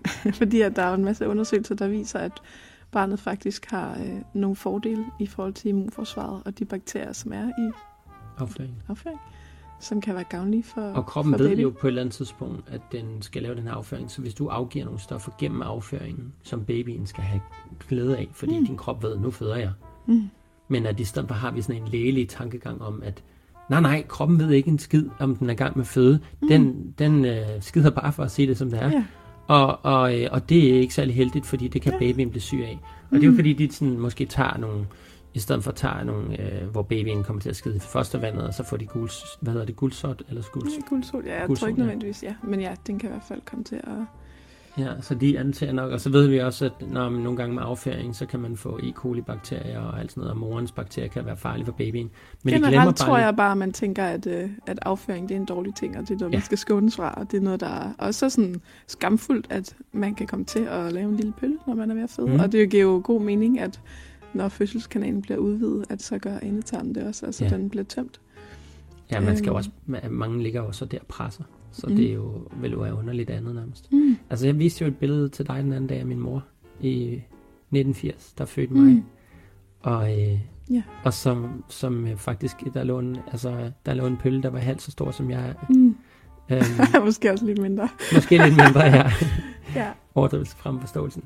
Øhm, og at jeg var også den tredje, min mor fødte, og, øh, og jeg, altså, jeg tænker bare, at det har været naturligt, og det, det hjalp faktisk mig til at indse, at, Mm at det er ikke underligt, der foregår sådan nogle ting der. Mm. Hvad, altså nu er der rigtig mange mænd, der sikkert sidder og, og hører på sådan noget og tænker, ej, ej, ej, ej, ej, ej, ej jeg skal fandme ikke med opfød, hvis min kæreste ligger skidt og sådan noget. ja. Fy for pokker, ikke? Jo. Men, men hvad, altså, hvad skal man gøre som, som mand? Hvad vil du... Jeg, jeg kender fra, i hvert fald fra, fra venner, der siger, ej, men jeg var min kæreste op og føde og sådan noget, og det er altså bare at sige, godt råd, mm. lad være med at kigge derned. Mm. Fordi at du kommer til at se nogle ting med din kæreste, hvor du tænker, mm. det der er ikke en øh, sexet ting mere. Og det fortæller måske meget om, om dem, der siger sådan noget, jeg men, men også at sartheden, at nu taler vi om det der, at, at afføring og sådan noget på her, det er ulækkert, Mm. ikke? Øhm, så, så og Sina med kan jeg se her på Clubhouse også var hyggeligt. Øhm, hvad hedder det? Øhm, men, men altså, der, hvad vil du sige, at øh, man som mand, hvad, hvor vil du helst have manden? Altså, nu har du haft Der to. synes der jeg har måske, prøvet man skal revurdere sit billede af kvindekroppen, fordi jeg ved godt, at mænd de har det med at sådan, seksualisere den lidt, men vi må jo sige, at øh, altså, kønsorganerne på en kvinde er jo blandt andet med til at lave babyer. Mm. på samme måde som øh, brysterne er med til at lave mælk. Så det er jo ikke kun noget, der er til for mandens nydelse. Nej, det vil jeg bare være uenig med, nej. øhm, ja, jeg synes, for, jeg synes jo, det er ret naturligt, og jeg synes jo, at, øh, at i stedet for, at det skal være sådan en uh, puha eller noget sådan tabubelagt, så bør det jo bare være en, sådan en, uh, en praise af kvindekroppen. Mm. Ja. At den er i stand til at gøre det, den gør. Det er jo det, jeg synes, der generelt er med kvindekroppen og kvinder i det hele taget. Altså, mm. og, og jeg har jo også super connected med mine feminine sider. Mm. Øhm, og hvad hedder det, så jeg tror måske også, det giver mig en større indsigt i at forstå kvinder, og så har jeg også haft mange kærester og partnere mm. og alt sådan ting, mm. øhm, som også har hjulpet mig med at få indsigt i det. Øhm, men jeg vil sige, at altså, det er det mest guddommelige, jeg ved, der eksisterer på jorden, det er kvindekroppen, fordi mm. I kan, I kanariefuglen i, i minen, I, ved, I kan mærke ting længe mm. før mænd kan. Mm. Mænd er også fantastisk. I kan ikke leve uden os, hvis, også selvom man, om man så er lesbisk eller noget.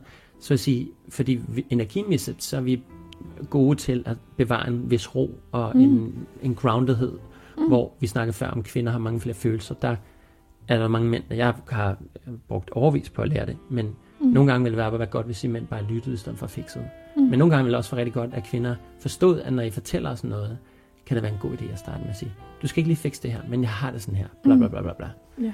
Men det er også nogle gange irriterende, at kvinden skal sige, at de ikke skal fikse det, fordi det vil jo gerne lyde som om, at det er noget, der skal fikses, men mm. i virkeligheden skal de bare have brug for at komme ud med det, mm. som er følelser, som mænd er rigtig dårlige til at komme ud med.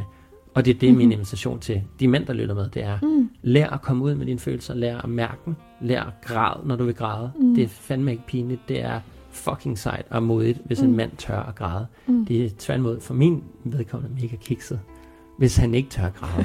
Fordi når man holder følelser inde, så skaber det sygdom. Mm. Apropos det her syreforhold, jeg talte om før, jeg kan mærke, mm. at jeg får blister, og øh, jeg får nemmere lungebetændelser og sygdomme, mm. som jeg jo selvfølgelig har i min krop, eller omkring mig, men jeg reagerer nemmere på min immunforsvar, så med at bryde dem ned, fordi jeg har så travlt med at mm. balancere det her syreforhold i min krop. Så jeg, altså, det er jo det, der er fedt ved jer kvinder. Altså det er virkelig, at det er sådan helt magisk.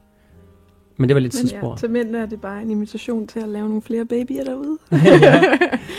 ja, Også... fordi man kan sige, alt det, der sker under en fødsel, øhm, det er jo ret magisk. Og hvis det eneste, man har at fokusere på, det er, at der måske kommer en lille lort. ja, ja så er det sgu ret trist. ja, ja.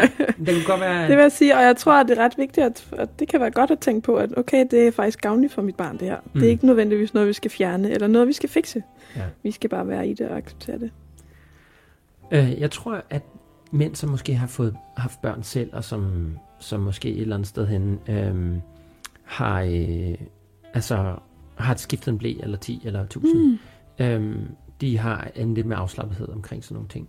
Men en af de ting, jeg i hvert fald vil dele min erfaring, jeg har ikke skiftet så meget. Jeg har faktisk lykkedes mig at være onkel til fire, uden at skifte en eneste blæ. Jeg er faktisk ret stolt af det. Det fordi jeg, har, ja. jeg har OCD, og det vil sige, at jeg har haft mm. total adder over det der, ej puha, men jeg vokset op med en mor, der sagt puha, vi snakkede også om det tidligere. Jeg mm, yeah. har sådan meget øh, fokuseret på bakterier og ja, alt sådan ja. noget. Men jeg er også lægesøn, så jeg har altid fået at vide, at man skal vaske hænder efter man har rørt det og det, det, det. Mm. Min mor havde elsket pandemien, hvis hun var i live. Ja. Altså hun har bare sprit, tænkt, sprit, sprit, sprit og, øh, og vask hænder og masser af vacciner. Det er ja. så fedt. Min far har bare sagt, ja. thumbs up. Det passer ikke helt. Han var faktisk lidt kritisk omkring den mm. vaccine også, inden han døde. Men, øhm, men det, som jeg kommer til at tænke på, er, at, øh, at det, der har hjulpet mig til at være mere afslappet omkring øh, mm. kvinder og kønsdele og sådan nogle ting, det er faktisk at give mig tiden til at ligge og opdage og mm. pille og kigge og mm. øh, nogle gange smage på det, og finde ud af, ikke lige mm. lorten har jeg heldigvis ikke smagt på, men, men, øh, men det gør man jo som barn. Vi snakkede om mm. før, din, en af dine børn jo bare stak hænderne lige direkte ned i blæen, når de har lavet, fordi mm. det var, den, og de skal lære alting ved at putte det i munden. Det er en naturlig måde, børn undersøger verden på, ja. det er jo ved hjælp af munden. Ja, det er præcis. Ja, men som vi også snakker om, at, øh, at, at det bliver noget skamfuldt, det der med, at åh, så er det noget med, med numsen, eller det er noget med lort, så det, ja. det, det er noget beskidt, og det er noget puha, det skal du det røre vel. Ja. Og pinligt også. Og det, jeg tænker, det er det, der følger mændene, når de, øh, når de så ser deres kone føde. Og, og der er jo ikke kun lort, der er jo også blod og fostervand og fosterfedt og en, i en pærevælling. Det er måske det, der er lidt overvældende ja. i virkeligheden. Og en moderkage, som ser ret så drabelig ud. Ja, altså. ja, ja, det kan man sige, hvis, altså, hvis man gør den til det. Man kan jo også se ja. den som noget smukt og livgivende. Men det er, altså det er, jeg føler, jeg oplever virkelig, det er en, en indstilling til det, fordi at, øh, at altså, de, den almindelige danske, jeg synes, det er fuldstændig skørt, at nogen vil spise en moderkage, eller gemme en moderkage, og alle mulige mm. andre ting. Men der bliver forsket i moderkager hele tiden, og mm. der faktisk viser, at der er super mange benefits i en moderkage. Mm. Ikke nødvendigvis, man behøver at spise den, men at den, den er faktisk, altså det at føde den også giver, øh, altså i kvinden, sker der et eller andet, øh, hvad hedder det, emotionelt, øh, Mm. på både hormonbasis og, og følelsesmæssigt, at føde moderkagen også, og sådan, Mm. som jo har båret barnet, som er barnets netværk, Det, som der har givet babyen næring. givet ja. baby næring. Men vi har sådan, Mm. altså ligesom vi ikke vil se kyllingen blive slået ihjel, når vi kører kyllinger i supermarkedet, så har vi også sådan lidt, jeg vil gerne, altså i gamle dage stod manden jo ude foran Mm. fødselsstuen og ventede på, at barnet var født, og så kan han Ja. kunne se sit barn. Ikke? Jo. I dag ved man, at manden med det samme får at vide, tag din trøje af, så vil se babyen, Mm. mm. læg dig ned, hold Mm. babyen øh, tæt på din kropsvarme. Mm. Og ikke sådan noget, ja ja, tag bare din striksvætter på og, og hold babyen i armen. Altså det er, at man har, man har fået mere og mere op, altså ved, at babyen Mm. faktisk benefitter mentalt på øh, at lugte faren og moren Mm. og være Også i forhold til immunforsvaret, at det er jo vigtigt, at babyen får så mange gode bakterier på sig som muligt, når den bliver født. Mm, mm. Især hvis den er født ved kejsersnit, for så får den jo ikke alle skidens gode bakterier. Ja. Ja. Men det er en helt anden snak. Ja, ja, ja, men det er jo rigtigt. Altså, øhm, men, men ja, jeg synes i hvert fald, det er fascinerende, at det, at det, det startede jo, at vi snakker om klitoris og, og pikken, som Mm. ligner hinanden, og øh, æggestokke versus nosser og alt sådan noget. Alle de ting, Mm. mm. altså at, at sædcellerne bare bor i nosserne, og æggene bor i, altså det er jo bare øh, vildt, at det er skabt sådan, og så ender man der med, at kan, kan ligge og føde alle tingene. Mm. Øhm, altså, intuitionen i det. Synes du, din intuition er blevet bedre efter hvad Nu var du 16, da du fik den første. Jeg synes, at den er blevet meget bedre for hver gang, jeg har været gravid. Okay. Øhm, det kan også være, at det er noget med alderen. Men øh, det, ja, det er måske det en er blanding. helt sikkert også. Øh, men i hvert fald blevet mere sikker på, at, øh, at det, jeg har følt, har været okay. Og have tillid til ikke bare mig selv, men også babyen. Mm. Altså og min krop, og at den havde styr på, hvornår babyen for eksempel skulle ud. Mm. Øhm, og det lyder måske lidt skørt, men den fjerde gang, jeg skulle føde, øh, der var det jo så ikke mit eget barn. Der var det til min bedste ven. Øhm, og der havde jeg helt klart gjort mig nogle tanker om, at kan Det bliver du vide... lige nødt til at forklare det der. Er folk, der sidder og lytter. Ja. At det var bare lige til min bedste ven. Ja, det er fordi, jeg har været rumor for øh, mit bedste ven som er homoseksuel. Okay. Så jeg har født et barn til ham og hans mand. Øhm, Og du har der, kendt ham, siden du var barn, ikke? Ja, Ja. det har jeg.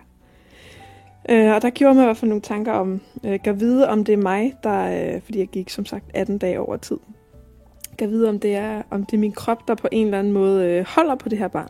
Mm. Altså kan vide, om der er nogle, øh, nogle følelser eller noget, en eller anden forbindelse, som jeg har svært ved at give slip på. Mm-hmm.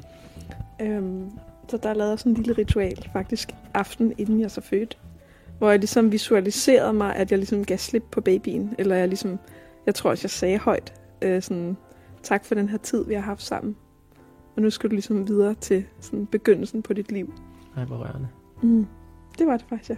Ja. Og det bare havde tillid til, at jamen, babyen vidste, hvornår babyen skulle ud, og at min krop ligesom vidste, at nu var det ligesom tid til den næste fase. Ja. Øhm, Wow. Mm. Og det tror jeg måske sådan generelt kan være så nyttigt, hvis man er gravid. Og måske lytte lidt mere til sig selv. Ja. End en eller anden sur gammel læge, der står og siger, nu er du gået så så mange dage over. Ja, at lægen altid ved bedre end din egen Mm. intuition. Man kan selvfølgelig Ja. spørge lægen om nogle ting, og så få nogle indsigter, og så kan man ud fra de indsigter beslutte, om man skal lytte til hans råd, eller man skal gå med øh, det, der føles rigtigt for en selv. Selvfølgelig, og jeg takkede da også ja til at få alle de undersøgelser og Mm. alle de kontroller, der nu fyldte med, som man jo fik tilbudt, og det var et tilbud. Øhm, og jeg kunne måske godt forestille mig, at hvis det havde været, hvis det ikke havde været til mit bedste ven, så havde jeg måske været mere afslappet omkring det. Mm. Øh, jeg forstår godt, at de havde et behov for at vide, at deres baby havde det godt, og især fordi de måske var og er mere autoritetstro, end jeg er. Mm. Øh, hvor at hvis det havde været altså mit eget barn og til mig selv, så havde jeg nok takket nej til alle de kontroller. Fordi at jeg jo faktisk kunne mærke, at baby havde det godt. Baby er lige så aktiv, som den plejer at være, og Mm. Øh, der er lige så meget fosteraktivitet, som der plejer. Jeg, altså, jeg vidste godt, hver gang jeg gik ind til kontrol, at de ville sige, at alt var godt. For jeg kunne jo mærke, at babyen sparkede, og der var det liv, der plejede at være. Ja. Og selvfølgelig, hvis man mærker, at der ikke er fosteraktivitet, eller man kan se på, på scanningerne eller på kontrollen, at det ikke er, som det skal være, så vil jeg selvfølgelig også have handlet, og så vil jeg måske også have takket jer til at blive sat i gang. Mm-hmm. Det var bare ikke tilfældet. Og nu, når du er blevet mor, og du har været mor nu øh, Mm. i Snart 16, 17 år, snart ja. 17 år. Ja. Og du har de der tre af dine egne børn, som du i hvert fald, dem du har beholdt selv. ja. øhm, jeg kommer sådan til De at tre andre har jeg også beholdt bare kun i hjertet. Ja, det er selvfølgelig. Øhm, og du ser dem også i øvrigt, ikke? Alle Ja. sammen, ja. Øhm, en gang imellem. Jeg følger med i deres liv. Ja. Mm. Hvad hedder det? Så man kan så sige, at du er passioneret omkring børn, og det er derfor, jeg synes, det også passer godt, at du skal mm. selvfølgelig være med, og vi kommer til at tale en masse mere, tror jeg. Øhm, men jeg kommer til at tænke på, nu når du så er mor og bare kvinde, bare kvinde, men kvinde uden barn i Ja. maven, hvordan øh, din intuition, altså jeg synes jo, det, du kan jo mærke din ægløsning for eksempel. Mm. Det er nogle kvinder, der siger, de ikke kan. Man, man kan selvfølgelig være forskellige, men tror du, man Mm. kan lære at mærke sin ægløsning? Det tror jeg godt, man kan. Hvordan tror du, man, altså har du en idé, om man kunne gøre? Øh, Jeg tænker måske, det er noget med at, øh, altså, at, at, at tune ind i, bare sådan generelt bare at mærke hele sin krop, og ikke kun sit underliv. Mm. Øhm, og bare være opmærksom på, hvilke tegn og signaler den sender til en. Og fordi hvis man lytter til den, så fortæller den jo en alle mulige ting. Ja. øhm, det tror jeg er sindssygt vigtigt. Jeg tror, alle kan mærke den, Mm. hvis de vil. Og hvis Derfor- de lytter. Jeg får i hvert fald lyst til at sige, og det gælder ikke bare som kvinde, øh, altså nu er jeg jo ikke kvinde, men den indsigt, jeg har i kvinder, men også bare mænd i det hele taget, at alle følelser, vi har, også dem vi kalder dårlige, mm. hvilket egentlig er lidt fjollet at kalde nogen som helst dårlige, fordi Mm. de er alle sammen en oplevelse. Altså, det svarer til at gå i Tivoli og sige, jeg kan kun lide det bump på rutsjebanen, Mm. men alle de andre er dårlige. Mm. Og så derfor vil jeg helst bare hen til det ene bump, og så går man og venter et helt liv på det der lille bump, der kommer en gang imellem. Og så skal man sidde og synes, at alle de andre bump er mega nederen, i stedet for at få mm. Dem til at blive en oplevelse. Øh, selvom de er hårde, og selvom det er svært og alt sådan noget, Mm. så er følelser heldigvis noget, der bare går igennem os. Og, og øh, jeg, jeg tror på, at vi alle sammen kan træne og mærke vores krop bedre, Mm. og invitere kroppen til at give signaler. Og man behøver heller ikke altid få svaret. Jeg gør nogle gange det, jeg siger til mig selv. Jeg har, for eksempel, hvis jeg har blister, Mm. så hvorfor har jeg blister? Mm. Jeg står ikke nødvendigvis og venter på svaret, men jeg gentager flere gange, hvorfor har jeg blister? Mm. Hvorfor har jeg blister? For at, at give min krop en chance for at... Det kan godt være, at den ikke giver svar lige nu, men det kan være, at der er noget, der går op for mig. Jeg havde det tidligere sådan, uh, spirituelt uh, har jeg da sådan set, at, at fordi jeg tuner ind ret tit på ting, og jeg også kan tale med afdøde energier, uh, som er folk, der ikke er her på jorden mere, og også bare folk, der ikke har været på jorden i min livstid. um, såvel som jeg kan mærke ind på mennesker, der er i live, og deres fremtid og deres fortid, og se deres udfordringer og deres potentiale. Um, og der kan jeg huske, at vi sad og snakkede om øh, afdøde, og øhm, øh, hvor vil jeg hen med det? Det kan være, at du hvad var det, vi lige snakkede om i forhold til det? Nå, men jeg tog, tog i hvert fald ind på, at, at øh, det med at mærke afdød. Jo, jeg havde en sang på hjernen. Jeg vågner med en sang. Det gør jeg nogle gange. Mm. Og det er mange gange en sang, jeg slet ikke har hørt i årvis. øhm, de sidste par dage er jeg vågnet op med uh, We don't talk anymore. We don't talk anymore. Øhm, og det fandt jeg så ud af, at du sagde, at det er nok fordi min søn spillede den for, for 24 timer siden, da han var hos dig, der var det den, vi hørte. Det var sådan, nå ja, det er rigtigt. Og så gik det lige to dage, og så fik jeg den på hjernen igen. Mm. Og så tænkte jeg, det var da utroligt, hvorfor får jeg den på hjernen? Og da Mm. jeg så siger, hvorfor får jeg den på hjernen, så står jeg jo faktisk, du sidder herinde i, her mm. til morgen, Så får du svar. og så er jeg sådan, ej, gud ja, det er derfor. Og så kunne jeg mærke, mine følelser fortalte Mm. mig, at det er fordi, at jeg ikke connecter med den spirituelle verden så meget på det seneste. Jeg har ikke mediteret, jeg har ikke, Mm. jeg har sådan egentlig bare haft travlt med at prøve at få noget regnskab til at fungere, og Mm. Finde en ny revisor, og alle sådan nogle ting i, min, i mine to virksomheder. Øhm, og, øhm, og det har, det har selvfølgelig fyldt rigtig meget, så det har så ikke taget mig tiden at sådan føle mig lidt stresset, apropos ikke at Mm. lytte til sin krop. Mm. Og så har jeg fået den her lille opvågning. Øhm, og, og det er sådan nogle signaler, jeg får en gang imellem. Og hvis jeg ikke stiller spørgsmål til dig og er nysgerrig på det, så får jeg heller ikke svaret så nemt ind. Fordi det eneste, jeg bare sætter en intention om, at hvis der er et svar, jeg kan lytte til, så vil jeg gerne t- lytte ind i det. Mm. Og jeg prøver at lade være med min, med min hjerne og regne det ud. Fordi Mm. så er det, at jeg ikke sådan er til stede i følelsen. Men det kan være, der er noget, der popper op og, og giver Mm. mig den her ting. Øhm, ja, bare på døde, så jeg bare lyst til at sige, at vi fik jo en lidt øh, spooky oplevelse. Det kan være, vi skal gemme den til en Mm, anden ja. podcast. ja, det kan godt være. med anlægget, der pludselig gik i gang med en sang og sådan mm. Mm. ting tidligere, da vi snakkede om min, min afdøde mor og din afdøde far. Mm. Men, men, øhm, men ja, så det, jeg synes, det er vigtigt, at man lytter til sin, øh, sin intuition, også som mand. Og, øh, og det er sgu okay, at det føles lidt feminin nogle gange. Mm. Og man det er i ikke hvert lige kan fald et godt selv. råd, det der med at sige det højt. Altså fordi når du, når du siger det, så kan jeg mærke, at jeg øh, gør det uden at sige det højt. Mm. Altså jeg, jeg kan allerede mærke det, uden jeg, uden jeg i tale sætter det. Ja. Øhm, ja. Det er måske meget godt for nogle mænd at lige sådan... Ja, og, og, og kvinder også bare det der med at øve sig på at sige, hvorfor har jeg den her følelse, eller hvorfor, Mm. er, jeg, hvorfor er jeg ondt i stortåen, eller Mm. hvorfor er jeg Eller, ked hvad er af det, det. min krop prøver at fortælle mig nu? Eller, Og så i stedet for at flygte fra følelsen og sige, uh, der er en svær følelse, jeg er ked af det lige nu, ej, Mm. ej det kan jeg slet ikke er overskue at føle, det? og jeg må hellere lige få den over, okay, jeg går lige ud og spiller øh, tennis, eller jeg lever ud med nogle venner og drikker, og jeg er slet ikke Mm. egentlig humør til det, men jeg tager mig lige sammen og bliver i humør til det. Mm. Bare for ligesom at komme af med følelsen. Men det, der mange gange sker, min erfaring er, at følelsen bliver ved med at være der. Den Mm. dukker bare op lige så snart, du så ikke er koncentreret om noget andet. Så den Mm. hej igen, og den bliver altid stærkere. Mm. For det er noget, du ikke har- har lyttet til. Det er som en to-do-liste, der er en udløbsdato på, der bliver med at sige, den råber dig i hovedet mere og mere og mere. Og på et tidspunkt, hvis du Mm. bliver med at ignorere den, så går den også væk. Men så opstår der noget andet. Så opstår der en, så det kalder et syreforhold i din krop. Mm. Så lytter du ikke til din krop. Symptom. Så Mm. fysiske symptomer, så bliver du syg, utilpas, Mm. ude af trit med dig selv, eller, en, eller ked af det følelsen fylder så meget, Mm. at du faktisk slet ikke ved, hvordan du skal håndtere det. Og der, har- der lavede jeg en post på min væg, øh, som var en, en inspireret af en veninde, som netop havde det sådan. Jeg var sådan, hvordan får jeg det her til at gå væk? Jeg kan ikke overskue, jeg skal have de her følelser. Så jeg sæt dig ned med det. Mm. Jeg har også svært ved, jamen jeg gør det stadigvæk. Sæt dig ned, mærk den her følelse. Det vilde er nogle gange, når jeg sætter mig med sådan en følelse, og tænker, jeg, jeg er ked af det, jeg har sorg. Mm. Og så prøver jeg at græde, og så kan jeg ikke græde, og så Mm. alligevel så sidder jeg sådan lidt med det og prøver at give det lidt tid.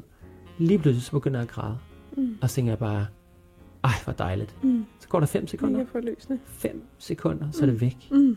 Det er så vildt. Nogle gange så kan der jo selvfølgelig gå timer, og nogle gange dage, før det går væk. Mm. Men jeg ved bare, at det går meget længere tid, hvis jeg er modstander af det, i stedet for at min krop har brug for at komme af med noget.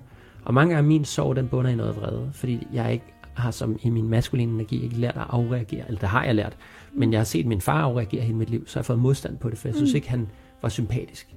Så derfor, når han afreagerede, så så jeg den maskuline del. Så hver gang jeg træder ind i den der meget maskuline øh, del, hvor jeg har lyst til at være aggressiv eller slå, eller Mm. slå i noget, eller råbe eller et eller andet, så synes jeg, det er pinligt. For det Mm. minder mig om, hvor pinlig min far var. Mm. Så jeg har modstand på det. Men det gør jo bare, at jeg endnu mere har lyst til at træde ind i det, Ja. fordi jeg skal fandme da ikke have modstand på noget. Nej, jeg tror generelt, at der er mange, der har øh, modstand på at mærke de sådan negative følelser. Også for, fordi at, Mm. jeg tror, der er mange, der kan genkende det der med, at man som barn har fået at vide, at, at det skal holde op, eller ens forældre prøver at få det til at stoppe, hvis man er ked af det, eller hvis man græder, eller hvis man er vred, så skal man styre sig, eller man skal ligesom holde det tilbage, eller holde det inde, Ja. Eller de prøver at aflede en, hvis man er ked af det, i stedet Ja. for bare at være med barnet, og bare være sådan, ah, jeg kan se, du er ked af det. Du talte lige om begge mine forældre lige der i en sætning. Ja, Min mor sagde altid, åh, oh, se der er en fugl der. Åh, oh, har du Mm. set det over, hvis jeg var ked af det? ja. Min far, han var altid sådan, så stopper du. Kan du Ja. så lade være? Og hvis, altså det tror jeg alle forældre derude ved, hvis man prøver at sige til ens barn, at de skal stoppe med at græde, når de græder, det hjælper ikke. øhm, det hjælper overhovedet ikke. Men, Hvad det, er jo, men det har man jo, man har jo tillært sig, det der med, at ligesom der er også mange voksne, og jeg tænkte på det den anden dag, da vi så, øhm, det var en eller anden audition med en, der så begynder at græde, hvor Mm. folk så, de undskylder, når de bliver ked af det. Ja. Så siger Det de, ah. I'm sorry. Hvor jeg sådan, du behøver ikke undskylde, at du begynder at græde. Nej, du kan også bare sige, hey, jeg blev lidt rørt, eller Øhm. Ja. jeg er super nervøs, Ja. eller noget andet. Og vi har også tendensen, at, at forældre har sagt, ej, ikke græde. Ja. Altså, vi, vi tror, ja, vi du, trøster ikke, du hinanden. behøver ikke græde, ja. du der er ikke noget være græde, ked af. Ja. Og Ja. Bare sådan, nej, nej, græd. Ja. For guds skyld, græd alt det, du vil. Mm. Få det ud. Altså, det er, det er da dejligt at se, at du åbner Mm. op for sluserne. Ja. Og så er der nogle kvinder, der har rakt ud til mig, når jeg har sagt sådan noget, og sagt, Mm. "M- men Mark, altså hvis jeg gør det, så græder jeg over i to uger. Mm. Så bare sådan, wow, så er du connected til noget, der skal dig, ja. heles. Altså, Ja. hold da op. Men så hold der nogle pauser en gang imellem, Mm. men, men det er okay. Mm. Du øh, frigør noget, og selvfølgelig, hvis det er noget, du bliver ved med at bare gå og græde altid, så skal du måske Kig kigge på lidt det. på, om det er Ja. fordi, du har en depression, Ja. om der er noget andet, altså om, om det at græde er nok. Mm. Formentlig ikke. Jeg tror, der er mange, der kan, der kan kende den der følelse af, at, eller i hvert fald kan huske følelsen af, hvor man virkelig har grædt. Altså hvor forløsende mm. det er, at man giver sig selv lov til at græde, indtil man faktisk er færdig.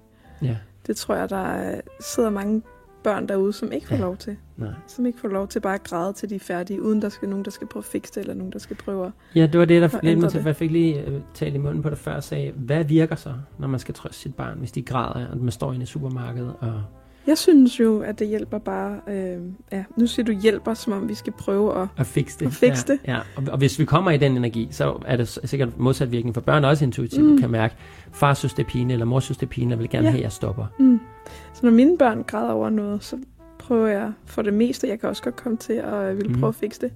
Øhm, men jeg forsøger egentlig bare at, øh, at bare være i det. Ja. Og rumme det. Og måske bare anerkende det, eller sætte ord på det, barnet føler. Og bare sige, ah, du er ked af det, eller du blev virkelig såret der, eller der var noget, der, der gjorde det rigtig trist, eller hvad det nu kan være. Ja, og jeg synes, at mine børn med alderen er blevet rigtig gode til at sige, nej, det var ikke sådan, jeg følte. jeg var ikke trist, jeg blev sur, eller, Mm. øhm, eller hvad det nu kan være. Øh, og det tænker jeg, det er jo bare øh, godt, at børnene kan mærke de forskellige følelser, de har. Ja, så bliver de jo også bedre til det. Så selv når vi prøver at sætte mm. ord eller spørge ind til det. Mm. Man kan jo også nemt sige, jeg tror, som du selv sagde, jeg tror, du blev lidt ked af det der, og kan det være derfor, at sådan mm. der... Og så kender jeg flere børn, der bare sådan, nej, det er slet ikke derfor, det er bare fordi, jeg gerne vil have min bamse. Mm. Mm. Og så får de deres bamse, og så er de alligevel ked af det. Så det er først timer senere, de siger, ja, det er Det var fordi, jeg var lidt derfor." ked af, eller Mm. mm. andet. Ja. Men det er, jo også, det er jo også en vigtig proces, og det er jo afspejler netop det, der vi, at vi kan mærke som voksne bare, uh, jeg har en følelse af sorg, eller ekstrem glæde, eller noget andet. Mm. Men der først går timer, før vi finder ud af, hvad det egentlig bunder i. Mm. Eller, Eller hvad det var dage. der, ja. Hvad det var, der udløste. Og det er jo også okay. Mm. For det der med at rumme sig selv, og der bliver man med at sige, man kan ikke, man kan ikke fikse sig selv, hvis man ikke starter med at møde sig selv med noget kærlighed. Mm. Og, og, og, og det er heller ikke nogen grund til at fikse, så der er ikke noget galt med dig. Mm. Uh, og den er jeg selv ved at lære den der, hvor jeg render rundt og tænker sådan, ej, hvorfor er jeg ikke sådan her, eller hvorfor tænker jeg sådan her, eller hvorfor føler jeg Mm. sådan her. Og så får jeg lyst til at gøre alle mulige ting for at få det bedre. Mm. Og du har set mig nogle gange, hvor jeg bare kører rundt på autopilot og sætter i opvaskemaskinen, og de fikser nogle ting, og skal lige det her, jeg skal sende den her mail. Mm. Og så den anden dag, der tog du fat i mig og satte mig ned. Mm. Altså ikke sådan satte mig ned, som jeg nu skal vi have en snak, men bare lige kom lige herover. Ja. Og så et minuts nus, så var jeg bare sådan en lille kattekilling, der bare Mm. tænkte, gud, det er rigtigt, ja. Mm. Der er ingen grund til at løbe rundt og stress og løbe væk fra mine følelser, hvis det giver mening. Ja. Hvis vi skulle give folk et godt råd, sådan at opsummere nogle af de ting, vi har snakket om, også øh, sexmæssigt, altså, der talte jeg jo også noget om, jeg egentlig gerne vil lige touch på igen. Udforske sig selv giver enormt meget selvkærlighed, så hvis man er en, der er svært ved at sidde med sine følelser, så bare mm. også det med at ud- udforske sin krop, og heller ikke kun bruge sex som en afreagering. Mm. Altså sige, oh, nu er der en følelse, jeg kan ikke overskue, lad mig knalde den ud, eller Mm. lad mig onanere den ud. Men sidde med den følelse, prøv at rumme den følelse, og give den noget tid, måske sætte en timer og sige, jeg skal simpelthen, altså se det på den her måde. Hvis du ikke kan sidde med din egen følelse i to timer, din egen selvkreerede følelse Mm. i to timer eller 10 minutter, så er det fordi, du mangler selvkærlighed. Så er det fordi, Mm. du mangler selvaccept. Så er det fordi, du er stresset. Mm. Eller du ikke anerkender dig selv. Hvis ikke du kan det, du har selv kreeret den, det er dit liv det her. Mm. Du har skabt alle de følelser i din krop hele tiden. Og i stedet for at blame dem på alle mulige andre, så tag ansvar for alle følelser. Selvom der er nogen, der har sagt noget grimt til dig, og du bliver ked af det, Mm. tag ansvar for, at du lod det komme ind. Mm. Tag ansvar for, at du øh, bliver ked af det af det. Og så sæt en timer og sig, nu sætter jeg mig med den her følelse. Mm. Og lad være med at lave alt muligt andet. Det er, det er ikke nemt. Det er det ikke altid. Men det kan også være mega nemt. For når man øver sig i det For nogle gange. nogen er det helt sikkert rigtig, rigtig svært. Ja. Og, og jeg, altså du kan se mig, sådan, jeg har haft svært ved bare at sætte mig ned og meditere, som jo er for mit, for mit vedkommende at sætte mig ned og være sammen med mig selv. Mm. Og tage den tid til mig selv. Øhm, men der er virkelig en invitation til virkelig at udforske sig selv på den måde at sidde med en følelse. Mm. Og også bare med sex, altså Mm. udforske dig selv, sid med en liderlighed, også uden at få en orgasme. Sid med at under, udforske sig selv. Altså, jeg, jeg har talt med mange øh, øh, mennesker, som, altså, og i kvinder har jeg også især talt med mange, har du nogensinde taget et spejl og sat dig ned og kigget på dig selv, og leget med dig selv, og Mm. øh, kigget på din røv og din numsehul, og øh, undersøgt tingene, og leget med nogle ting og sådan noget. Altså, det, det er det bedste råd at gøre det, for at blive venner med sit køn. Og sin, jeg, jeg tror, at de fleste mænd har gjort det. Og det kan måske fortælle noget om, at hvorfor man siger, at nogle mænd i hvert fald har mere, hviler mere sig selv, har mere ro omkring, hvordan deres krop er og alt muligt andet. Og går ikke så meget op i den. Selvfølgelig er der socialt set nogle ting, der gør, at mænd ikke går så Man meget kan op i også sige, at rent fysisk er det også nemmere for mænd at se deres køn, for eksempel. krop. Mm, ja. Øhm, hvor man kan sige, at for kvinder skal man måske være lidt mere nysgerrig for Ja. at finde helt ud af, hvordan der overhovedet ser ud. Ja, sæt noget lækkert musik på. Øh, tænd nogle stearinlys, øh, finde et spejl frem med noget, med noget okay lys, og så, så sætte sig og gå i udforskning, og så mærk, Mm. i stedet for at det er sådan, altså, simpelthen tage alle fingrene op, og eller, afhænger man at gøre det på en gang, eller en af Mm. gangen, men, men, men mærk alle hjørner af, af fissen, altså, eller Mm. hvad man vil kalde den. Altså, det, det, det vil jeg sige, og det er da også en invitation til mænd, altså, øh, brug noget tid på at udforske dig selv, kig på din røv også. Altså, øh, det, der, øh, det er altså også dit, det er også dig.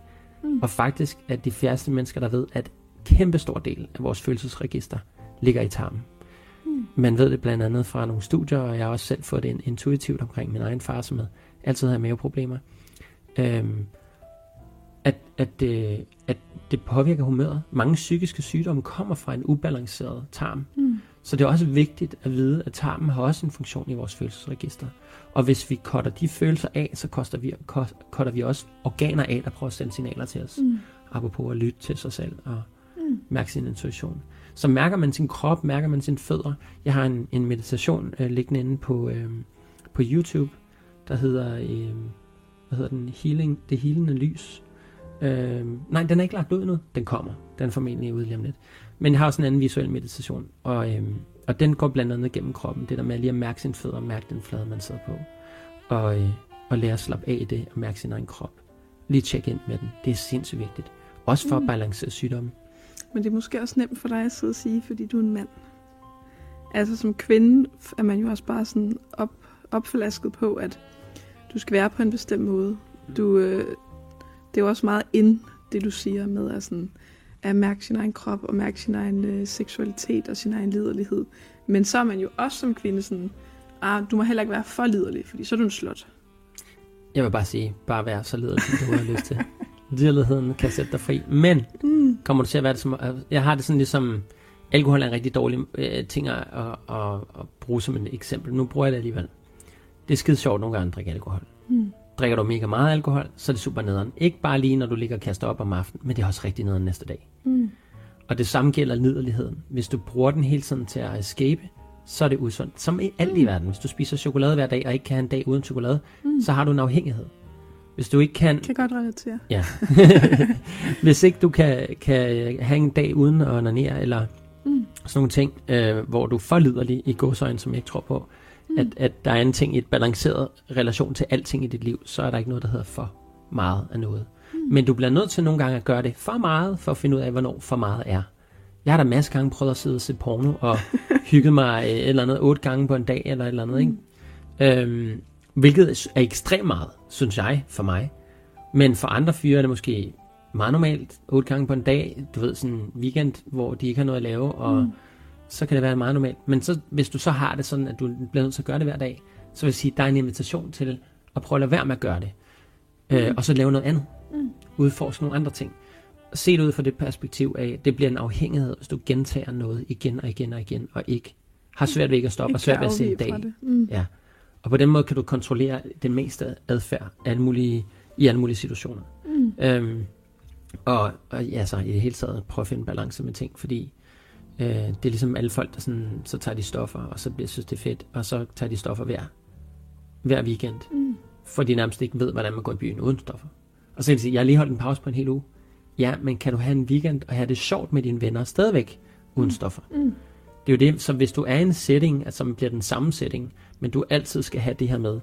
Jeg, jeg, jeg tror på, at vi udvikler os allermest, hvis vi hele tiden kigger ind i vores tryghed og siger, ah, når jeg spiser sillemad, så plejer jeg altid at drikke en øl. Mm. Eller når jeg øh, ser film, så spiser jeg altid popcorn til. Mm. Det hører sig jo til, og alle sådan nogle ting der, det er traditioner, og vi gør det kun af en årsag. Det er for tryghed. Og Mm. tryghed er nice, den er lækker. Mm. Men prøv at udfordre din tryghed en gang imellem med at gøre nogle andre ting. Jeg prøver nogle gange at leve efter den, der hedder Do one thing each day that scares you.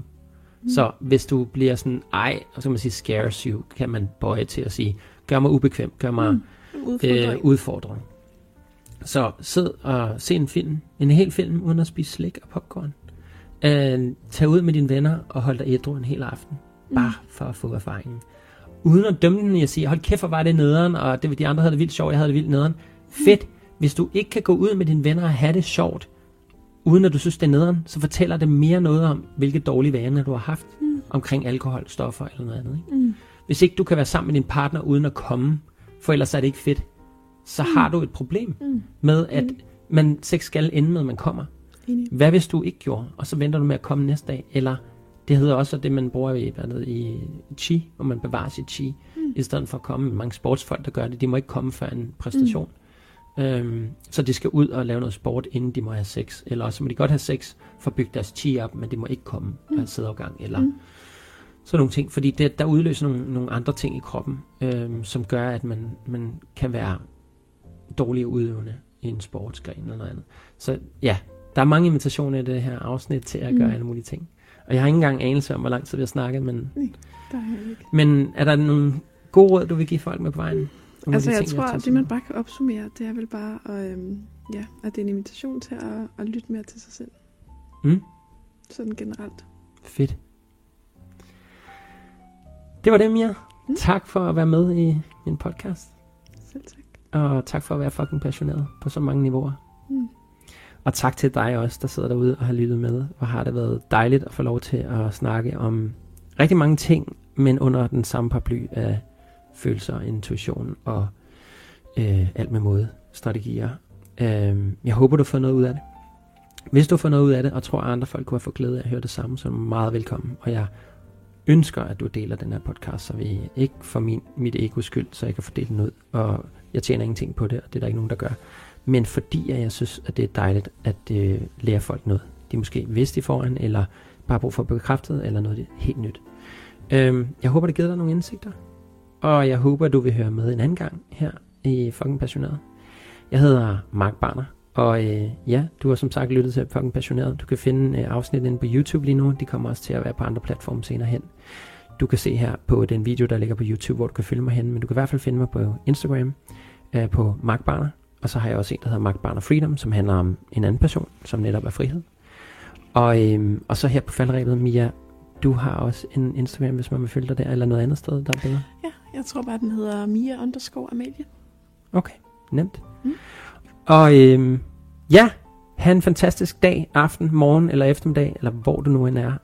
Pas på dig selv, og, øh, og husk at lytte til dig selv. Tak, fordi vi måtte underholde dig. Vi ses en anden dag.